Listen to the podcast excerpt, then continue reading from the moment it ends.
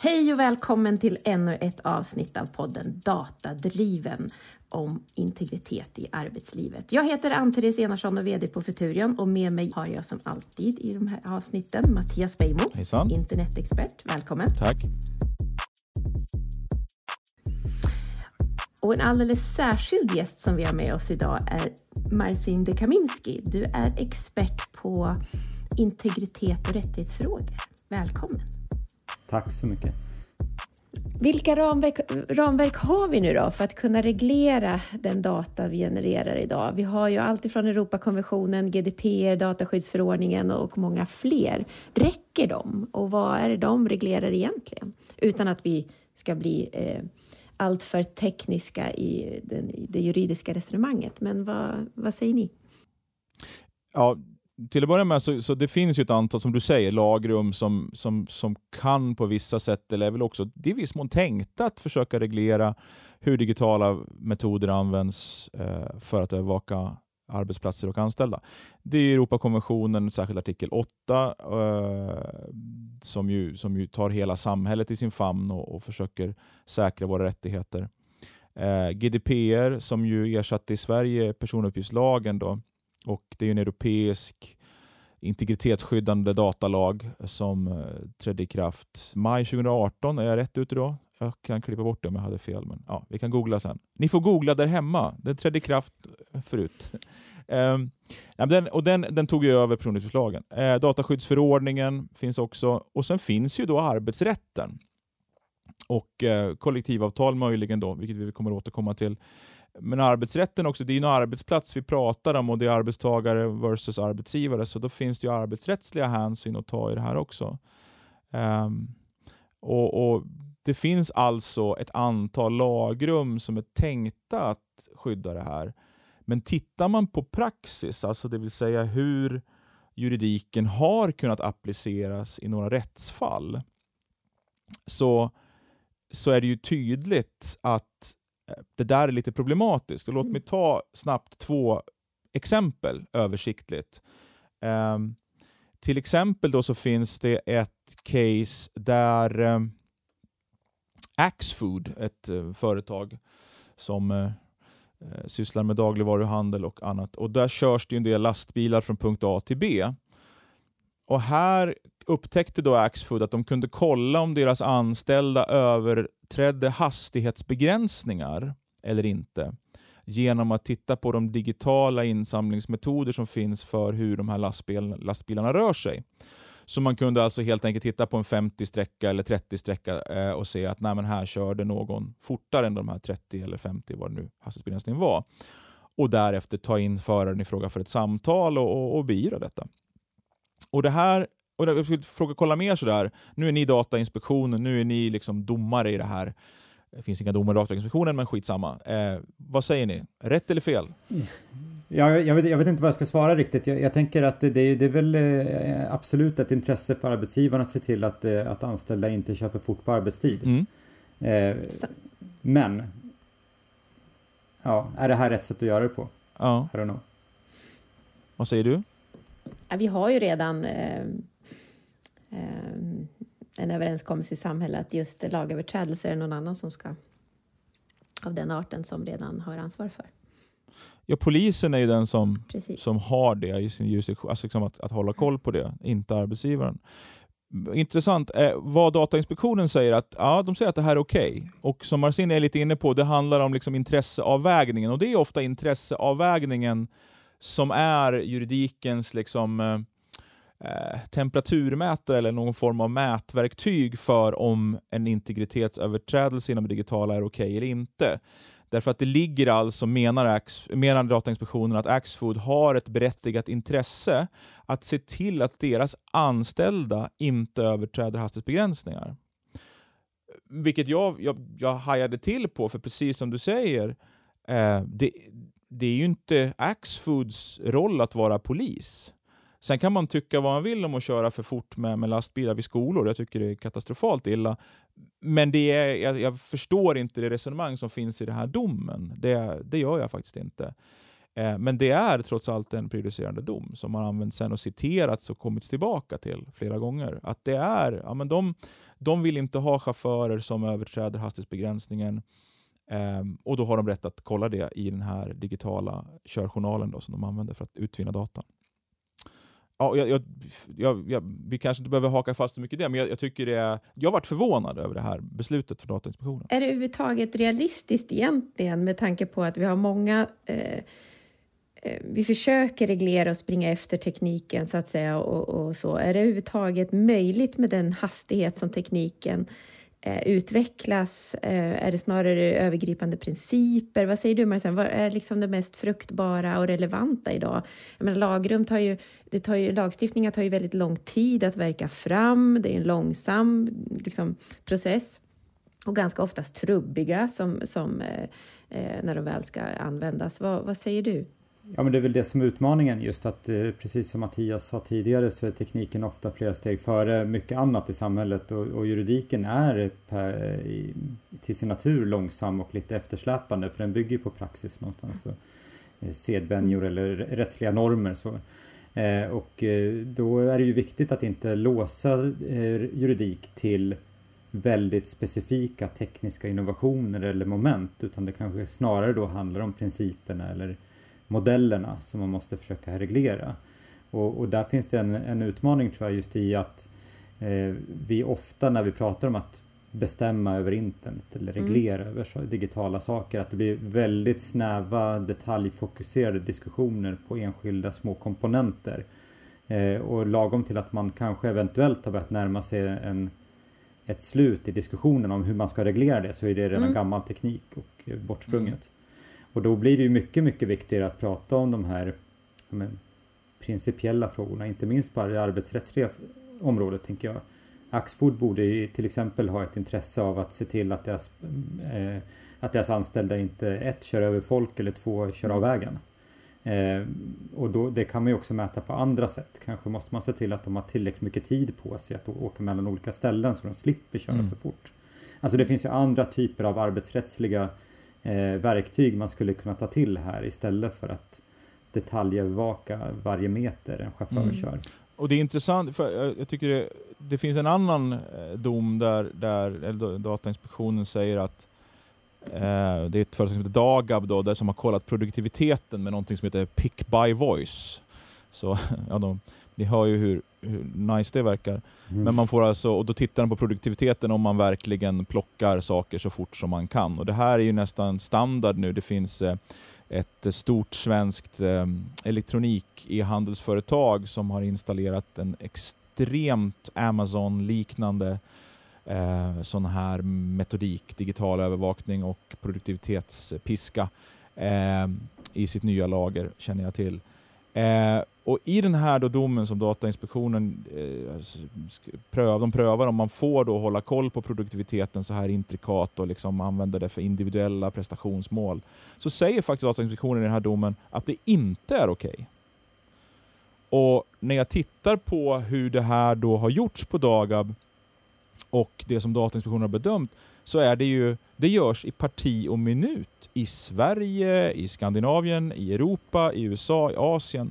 Så här, det är intressant, den här eftersläpningen som du säger Martin, eh, här har då Datainspektionen tyckt att de gjorde någonting kraftfullt och bra mot någonting. Men det är helt tandlöst. Det är fullständigt tandlöst, det görs hur mycket som helst. Så att den här, eh, den här eftersläpningen sker åt alla håll. Man hinner inte ikapp för att reglera och när man tror att man har reglerat, nej då har man inte gjort det för då finns det någon annan lagstiftning som inte går i takt med den lagstiftning man försöker använda i det här fallet Datainspektionen. Då. Så det, jag, jag, håller med om att det krävs liksom att man springer i kapp eller tar täten, men det krävs ett brett anslag för det. Eh, på europeisk nivå, det finns ju en sån, lite sådana initiativ, men även tror jag på global nivå och på den svenska arbetsmarknaden så krävs det att stora förbund och paraplyorganisationer för dessa fackförbund tar täten. Inte väntar, utan tar täten för att titta över all lagstiftning, alla ramverk och tillsammans sätta ner foten i det här. För annars kommer vi få precis det som händer här att Datainspektionen efter två år säger någonting som är obsolet och helt tandlöst och i konflikt med en annan lagstiftning. Eh, det kommer ske gång på gång på gång och, och de här techföretagen som tjänar miljardbelopp på den här programvar de här programvarorna, de gnider ju händerna åt det här. De tycker det är skitbra att alla ramlar över varandra som någon Charlie Chaplin-film. Så mm. det behövs ett, ett, ett, ett, ett ta ett, ett gemensamt, gemensamt initiativ i hela, alla arbetsmarknadens parter. Här. Mm.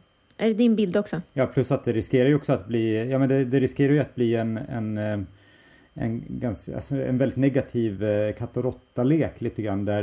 Jag tycker diskussionen kring till exempel Facebooks algoritmer kring eh, data, datainsamling som liksom dök upp till ytan när, när det handlade om Cambridge Analytica-skandalen förra året eller förra, förra året eh, tyckte jag var så intressanta för att diskussionerna som då var när Mark Zuckerberg eh, förhördes i senaten handlade om att där satt en massa eh, gubbar och kvinnliga gubbar och så försökte man förstå hur internet fungerade. Ja, den är en klassiker. Man ville liksom ha svar från ja. Mark så här, hur fungerar det här med Facebook ja. egentligen? Eh, och eh, så fort eh, han, de försökte förklara, eller de, de ställde frågor som var väldigt ointresserade förstås för de fattade inte. Eh, Mark Zuckerberg försökte förklara som på en femåringsnivå. Men bakom eh, kulisserna så kan man ju anta då att eh, Facebooks analytiker egentligen har suttit med är ju då att försöka förstå vilka triggers har lagstiftarna, ja. hur ska vi bäst kunna göra för att inte drabbas av den här skandalen igen. Och det handlar ju inte egentligen om att liksom förbättra världen utan det handlar snarare om att inte bli reglerade. Exakt. Eh, och, och, och, den, eh, det, var, det var otroligt intressant att se det för jag kan ju inte tänka mig att eh, de här datainsamlingsalgoritmerna egentligen är liksom mer integritetskänsliga nu än vad de var förut utan det som har hänt är egentligen att de kanske är fine-tunade, alltså de är lite finjusterade för att se till att ingen blir upprörd mm. över hur de funkar. Eh, och det är väl på samma sätt här då att om man har ett system som mäter i detalj varje sekund hur snabbt du borde arbeta, hur snabbt du egentligen arbetar och på, så får man ut en datakörning som visar eh, liksom, din effektivitet. Och om man då försöker liksom hantera just den här specifika åtgärden Snart så kommer det någonting annat istället. Då kommer det liksom vara en app som visar hur mycket du står upp eller hur mycket du sitter ner och liksom vad, vad det nu är för någonting. Mm. Eh, så att det, det finns ju alltid den här typen av Ja men det är ju en katt och råtta-lek mellan teknik och lagstiftare och i det här fallet är det ju negativt sådana. Mm. Precis, och jag tror just det när man tar in det liksom i arbetslivet och på arbetsmarknaden, så är, det, vore ju, det skulle ju vara lockande och jag tror säkert det finns jurister inom arbetsmarknadsterritoriet som nu inom arbetsrätten som funderar på att ja, men här kanske man skulle specifikt kunna ge sig på just de här intrikata detaljerna i tekniken eller tillvägagångssätten och metoderna. Istället för att backa och säga, är det här kanske någonting som vi borde gå en arbetsmiljöfråga, alltså en, en bred arbetsmiljö, arbetsrättslig lagstiftning, arbetsmiljö, eh, väg att gå istället för att försöka uppfinna något hjul, eh, rent legislativt hjul, som jagar då. För som du säger, eh, Mark Zuckerberg, alltså, när han gick till senaten och satt där och fick de här extremt underhållande men dock korkade frågorna, eh, kan rekommendera alla att titta på de förhören för en, mm. en, en rolig stund med popcorn. Men då, det den eftersläpningen, det här är alltså lagstiftarna som ställer de här frågorna. De har ju inte en chans att försöka jaga de här detaljerna, utan det måste ske på ett traditionellt, och i Sverige är det ju partförhållande, parterna som ska, som sätta sig ner med de här frågorna. Eh, och Det görs mig veterligen inte alls på den, i den utsträckning, med den bredd och med den höjd som det borde. Och Jag tror att det är en av vår tids absolut viktigaste arbetsmarknadspolitiska frågor. Delar du den bilden Majsen? Ja, jag, jag, tycker överlag digitaliseringsfrågorna är så spännande när det gäller arbetsmarknadsrelaterade frågor för att det, det, är så tydligt att man inte riktigt har hängt med. Och nu har vi pratat liksom om digital övervakning och väldigt teknisk övervakning men vi har inte pratat så mycket om den eh, sociala övervakningen som, som jag och, och Mattias har pratat om tidigare i, i tidigare sammanhang. Mm. Eh, just när, när det handlar kanske inte om eh, vilka verktyg arbetsgivare har utan också hur man förhåller sig till digitalisering i, i tider när, eh, när man, det börjar bli lite svävande kanske var det professionella jaget och det personliga, det privata jaget. Mm. Var gränsdragningen mellan de två rollerna som man har egentligen finns. När arbetsgivare lätt kan googla precis vem man är när man söker jobb men också vad man gör under tiden. Eh, arbetsgivare kan också drabbas av drev mot enskilda arbetstagare för att man har gjort någonting på sitt privata Facebook-konto mm. eller alltså vad, vad det nu kan vara för någonting. Och alla de typerna av faktorerna är vi inte heller rustade för eh, speciellt väl. Eh, varken som, som arbetsgivare, jag är ju chef också förstås, så att jag, liksom, det är också den typen av frågeställningar jag, jag ställs inför. Men, eh, men också då eh, inte heller som arbetstagare. Vi är inte eh, redo för att hantera dem överhuvudtaget. Den här sömnlösheten som blir så ty tydlig, att det, liksom, att det går i varandra. Ja, men vi blir ju representanter för, för våra arbetsgivare och det är väl där kopplingen finns lite grann till eh, Axfood-exemplet då. Att man, man, jag vill ju inte som, som arbetsgivare ha anställda som kör för fort och solkar ner mitt, eh, mitt varumärke för den delen heller. Det skulle ju se otroligt dåligt ut. Dåligt ut. Men när slutar jag då vara en representant för min arbetsgivare? Mm. Om jag eh, skriver i min eh, Twitter-bio att jag är anställd av Civil Rights Defenders, jag eh, gör allt, allt som jag skriver på Twitter, är det då liksom min arbetsgivares åsikter? Eller mm. inte?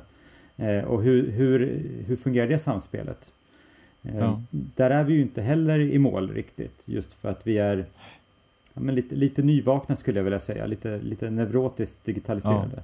Nej, det är så här. Och det finns ju, det finns ju verktyg som, som används då för att kartlägga en, en, en att HR-avdelningar har verktyg idag som, som kartlägger en, en, en möjlig, en, en potentiellt anställds liv online och liksom lämnar ut en rapport så att säga på inte bara på vad det är han eller hon gör och skriver och säger i sociala medier och så vidare, utan också än en gång då ett AI jämför liksom det mönstret, vad det pekar på, vilken personlighetstyp det här kan vara. Är det här en bombmakare eller är det Employee of the Month? Är det här någon som har är det här en aktivist med en bakgrund inom, inom en anarkarörelse eller är det en potentiell liksom, digitaliseringsminister vi har att göra med?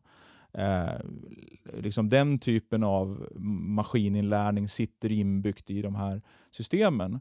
Och då, det är också, än en gång, det sitter då HR-avdelningen och litar på de här systemen och fattar beslut efter det. Eh, och, och, tror att de har fått då liksom den här, om det här är en röd person, det här är en grön person och alla de här färgerna. Då, som de sen, mm. det, det, är ju barockt egentligen. Och, och Fast har vi inte använt, nu kan man gå in på och, och, gå loss på de här röda och gröna personerna i och för sig, vilket vi inte ska riktigt göra då. då. Nej, nej, men, men, det, men jag tänker så här, HR-avdelningar har ju alltid använt sig av mer eller mindre effektiva och vetenskapligt grundade såna personlighetstester ja, av olika slag. Är det här, eh, liksom inte, inte sociala medier är ändå kanske lite mer då san, ja. sant verktyg? Ja, ja, det är en skitbra fråga. Därför att vad som händer är att tidigare så har man gjort så här questionnaires, alltså vad heter det, frågeformulär och så har man svarat i dem och så har det blivit så här. Och det är statistik än en gång. De har fått fram en statistisk modell för, ja men det här, när vi läser av den här statistiken så med vår erfarenhet och vår kunskap så tror vi nog att det är så här. Och det har varit ett, kanske ett bra hjälpmedel. Men vad vi nu gör är att vi tar den datan och stoppar in den i en svart box som spottar ur sig någonting som vi tror på är bättre. Vi tror att den levererar ett bättre resultat, ett mer säkert resultat och ibland gör den nog det också, men vi vet aldrig när och på vilket sätt och hur. Och så tar vi det maskininlärda effekten och tar den för sanning när vi ska rekrytera människor. Och jag vill säga på en gång att många fall, i många fall så tror jag det här är en bättre bild av verkligheten. Jag tror att den här, om vi nu kallar det för ett AI, räknar ut en bättre sanning än vad vi människor kan göra genom att scrolla lite på LinkedIn och kolla på vad någon har skrivit där. det tror jag på. Men vi vet inte hur den här uträkningen görs, vi vet inte om den är tillförlitlig eller inte. Så vi, vi, vi, kan inte säga att vi vet när den är bättre än statistiken eller vår eget omdöme eller inte. Så det är den, den oförmågan som blir den farliga i det här skulle jag säga. Ja, vad säger du om sociala medier och den sanna bilden och möjlig, så att säga, den transparens som det också ger? Den datan vi frivilligt delar med oss hela tiden och jämt. Ja, men den blir ju inte, eh, den blir ju inte mer sann än vad, vad vi också läser ut av den. Tänker jag. Och i, idag så uppmuntras vi väldigt snabbt att, att eh, lägga ut hela våra liv på, på internet. För det är så plattformarna fungerar. De ber ju oss om information. Eh, och de allra flesta lägger väl då kanske bara upp eh, bra saker. För man kan ju göra någon form av personlig branding och man vill kanske inte heller vara den som gnäller och tycker synd om sig själv. Eh, men det gör, gör, ju att den bilden vi ser på internet inte är sann. För mm. vi är ju så pass mycket mer än bara de här glättiga semesterbilderna eller shabby poseringarna hemma. Liksom. Mm. Eh, och det gör ju att om man då bara utgår från den bild man ser så får man ju inte en, en helhetsbild av, av den person man försöker förstå. Mm. Eh, och på samma sätt så kan man ju då råka övertolka och för några, för några år sedan så var det så otroligt spännande att det under bara några få månader så dök det upp flera fall i, i pressen av folk som då hade drabbats av, av den här typen av eh, vet inte, feltolkningar skulle jag vilja säga kring deras sociala mediepersonligheter. Det var bland annat en barnskötare som fick sparken för att han hade haft en mössa som det stod Pornstar på. Det blev ganska mycket uppståndelse kring det. Ja, det. För att det, det var någon förälder på det här dagiset som då trodde att han var porrstjärna på något sätt och det var ju totalt olämpligt att han skulle jobba med barn. Men, och, och då försökte han förklara att Pornstar är liksom ett modemärke. Eh, det är ju inte mer än så. Men det gick liksom inte hem för skadan var redan skedd. Mm. Eh, och arbetsgivaren ville inte ha honom som en liability på arbetsplatsen. Mm. Vilket jag tycker är helt, helt absurt. Mm.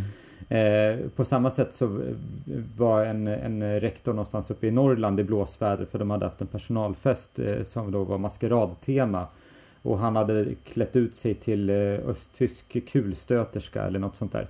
Eh, och det hade också då varit en intern personalfest men eh, bilden hade läckt till pressen.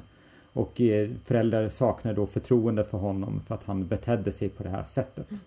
Eh, och, och, det har liksom, då finns det ingen bäring för de professionella rollerna samtidigt som det görs en tolkning av en persons lämplighet. Mm. mm. Och, och, det kan man ju tycka är okej, okay, men det, det, skulle ju liksom kunna vara okej, okay, tänker jag, om premissen var att allt vi såg om alla på internet alltid var sant. Mm. Eh, men så är det ju inte. Och, och, ibland kanske jag då blir egentligen mer misstänksam om jag eh, ser eller om jag har en person i min närhet som absolut inte finns på internet och framförallt inga dåliga mm. saker. Mm.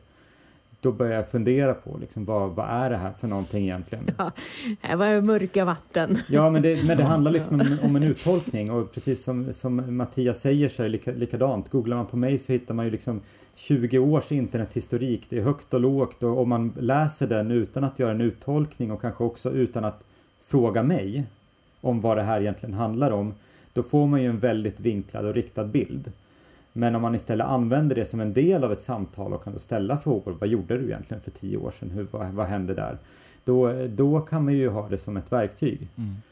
Eh, men det finns en, en risk för eh, just nervösa övertolkningar eller att, att vi helt, eller å andra sidan då att vi inte ser hela sanningar utifrån den historik mm. som finns på sociala medier till exempel. Mm min betraktelse är väl snarare den som många delar med mig. Det är väl att vi har liksom nästan en förlorad generation när sociala medierna kom som la ut precis allting hela tiden. Eh, och man ger, man både ge och taggade, alltså man la ut varenda festlighet och, och varenda åsikt och tanke man hade. Eh, Medan vi nu bara på se väldigt mycket senare tid har lärt oss att eh, manipulera den data vi delar med oss. Precis som du säger, att vi vi väljer att, att, att, lägga upp eh, de tjusiga och, och eh, så att mm. säga, brandingbilder av våra varumärken och så vidare. Så det blir väldigt manipulerad data. Verkligen. Som vi och jag menar unga idag eh, och även en del unga vuxna har ju åtminstone ett och ibland flera online-personan. Oh. Alltså de, där man är, man är någon annan online och ibland är man någon i World of Warcraft och, ibland, och när man Twitch-streamar när man spelar Counter-Strike så är man en ett persona, en karaktär. Och, och, och, när man sen går till sitt jobb på valfri statlig myndighet så är man ju en tredje person, såklart. Och det är naturligtvis liksom, det kan ju ge otroligt mycket feldata om man börjar titta på det här då som du är inne på, mm. vad man skriver, säger, tar bilder på, vad man har för kläder och beter sig online som en slags sanning för en personlighet och använder för någon automatiserad eller semi-automatiserad metod för att kartlägga någon. Mm. Eh, så det här, den här liksom starkt postmoderna jaget, som ju inte är ett jag längre och sådär, ja, det, må, det, måste vi ju han vara medvetna om att så, så är fallet. Och man måste kunna få vara det. Det är, det är ju en mänsklig rättighet i grunden att kunna få vara vem man vill, var man vill, när man vill. Mm. Eh, inom lagens råmärken såklart. Mm. Så, ja. Men det är väldigt, eh, det är, det är en spännande utmaning tänker jag och jag, jag, vet att när jag, när jag forskade vid Lunds universitet så diskuterade jag ganska mycket för att, eh, med, med, mina kollegor för att jag var ju då kom från internet och kunde, kunde internetdelarna medan mina kollegor var arbetsrättsforskare och, och, det vi diskuterade mycket var just det som du nämnde att vad, vad händer med den här generationen då som har hela sitt liv på internet när de sen ska ut i arbetslivet. Just för att då kommer de bli bedömda möjligtvis utifrån deras fyllebilder. Ja, eller vad det nu kan ja. vara för någonting. Snarare, ja, men snarare än utifrån deras CV. Och, samt, och det är ju liksom en, en relevant oro, tänker jag. Eh, men det är lite problematiskt när den här ungdomsgenerationen då egentligen kanske låt oss säga 75-80% av alla som är mellan 20 och 35 idag. Mm. Alltså det är en ganska stor ja. klump av människor. Eh, och det innebär att man kanske inte kan belasta dem för vad som finns på internet. Utan här handlar det snarare om att arbetsgivare eh, måste lära sig att läsa mm. internet. Och förstå vad det här mm. handlar om. Och förstå att det här kan inte handla om att man en gång har publicerat någonting på internet, man har tappat kontrollen över in innehållet för det gör man så ofta på internet. Man kan inte få bort det eh, och då handlar det om en uttolkning av det man ser. Just för att den här jag, tror att då, jag och mina kollegor diskuterade begreppet digital, digital arvsynd, vilket ja. jag tycker är lite kul. Liksom att man har liksom eh, perioder i livet som egentligen är då kanske gener generationer i ens liv på internet, för att internettiden är lite snabbare mm. än, än verkligheten. Eh, och om man då ska behöva stå till svars för, för vad jag gjorde på internet för två, fyra, sju, tio år sedan, det blir jättejobbigt den, den kan man inte belasta Nej. en person med. Jag tror det är jätteviktigt, jag tror det är jätteviktigt att, att, att uh, fackförbund idag förstår att om de ska upprätthålla och, få, och dessutom få nya medlemmar i framtiden som stannar kvar som medlemmar, så måste man förstå de här digitala frågorna. Därför att de är en integrerad del av livet och således av arbetslivet om man inte tar tag i de här frågorna, om man inte visar upp och de facto har eh, policies, planer, handlingsplaner, hjälp, stöd juridiskt, etiskt, i konflikt men också i fredstid så att säga med arbetsgivaren, då kommer man inte att vara relevant för den här typen av nya tjänstemän och arbetare som, som kommer in på arbetsmarknaden. Mm. Eh, det är en, överlevnads, ett, ett, ett, en hygiennivå för överlevnad fackligt mm. eftersom arbetslivet och resten av livet blir allt mer digitalt. Att då inte förstå de här frågorna ur, ur mycket mer än ett juridiskt perspektiv, men också ett juridiskt perspektiv, är, är, är helt livsavgörande för fackförbunden tror jag. Mm. Jag, jag, tycker att det, det, är ju spännande just att se hur sektorer suddas ut lite grann nu. Mm. Eh, för att till exempel nu, det finns mycket diskussioner om hur vi ska kunna stävja coronautbrott med hjälp av appar eller, eller digital övervakning på olika sätt. Och det, det kan man ju liksom ha, ha åsikter om. Jag har, ju väl, jag har väldigt mycket åsikter om det och tycker kanske att man inte ska utgå från apparna utan istället utgå från samhällsnyttan. Mm. Och det är väldigt lätt att bli bland, mm. bländad av att det finns There's an app for that. Mm. Liksom. Eh, istället för att titta på mm. vad man egentligen vill komma åt. Mm. mm. Ja men lite så. Men, eh, men samtidigt så finns det också exempel på till exempel Israel som har nu för några veckor sedan införde en väldigt eh, djuplodande analys av eh, israelers eller personer inom Israels gränsers eh, då digitala vanor hjälp av mobilnät och vad det nu kan vara för någonting. Och det är ju liksom inte en slump att det företag som levererar den typen av lösning till israeliska staten Eh, är NSO Group som är en av världens största leverantörer av övervakningsutrustning till diktaturer. Jaha. För att de har liksom den här tekniken och de är jätteduktiga på att då ta sig in i enheter, spåra trafik, spåra rörelsemönster, göra datakörningar över innehåll i enheter och kommunikation. Det här är ju deras expertis och det har de kränkt för att folk typ vill betala för det. Och nu plötsligt ska det användas för folkhälsosyfte. Mm. Ja, och det visar så himla tydligt hur dels tekniken finns redan eh, och dels att det, det handlar liksom inte om eh, koden Nej. utan det handlar om vem som rattar mm. koden. Ja. Mm. Så en sak då som skulle vara att inte ge sig på själva liksom koden som Marcin säger utan ge sig på själva företeelsen det är ju exportreglering till exempel det är ett sätt att man säger så här, nej men vi vill inte att vårt land eller EU exporterar den här typen av know-how eller lösningar eller så. Och det, skulle, det, här, det här kan ju vara sånt som används av diktaturer för att hitta oliktänkande och fängsla och döda dem.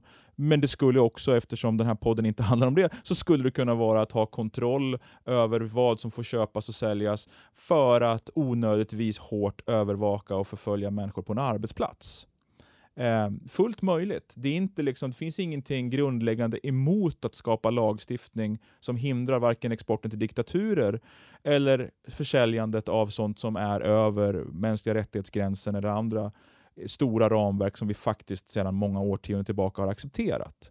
Det skulle vara fullt möjligt att göra det. Det är viljan som krävs och för att den viljan ska komma, än en gång, så behöver arbetsmarknadens parter initiera den här stora, breda, både politiska men också policymässiga debatten och diskussionen och det görs tyvärr inte. Tack för att ni lyssnat. I nästa avsnitt av Datadriven kommer jag och Mattias att fördjupa oss mer kring själva arbetsgivarens perspektiv på integritet i arbetslivet. Då har vi också med oss en gäst som heter Carolina Brånby som är policyansvarig på Svenskt Näringsliv. För arbetsgivare finns det ju stora fördelar med att ha tillgång till just mycket data om både sina kunder och medarbetare. Men det finns också risker med den här datan och det är om dem vi ska prata mer om. Så vi hörs då. Hej då!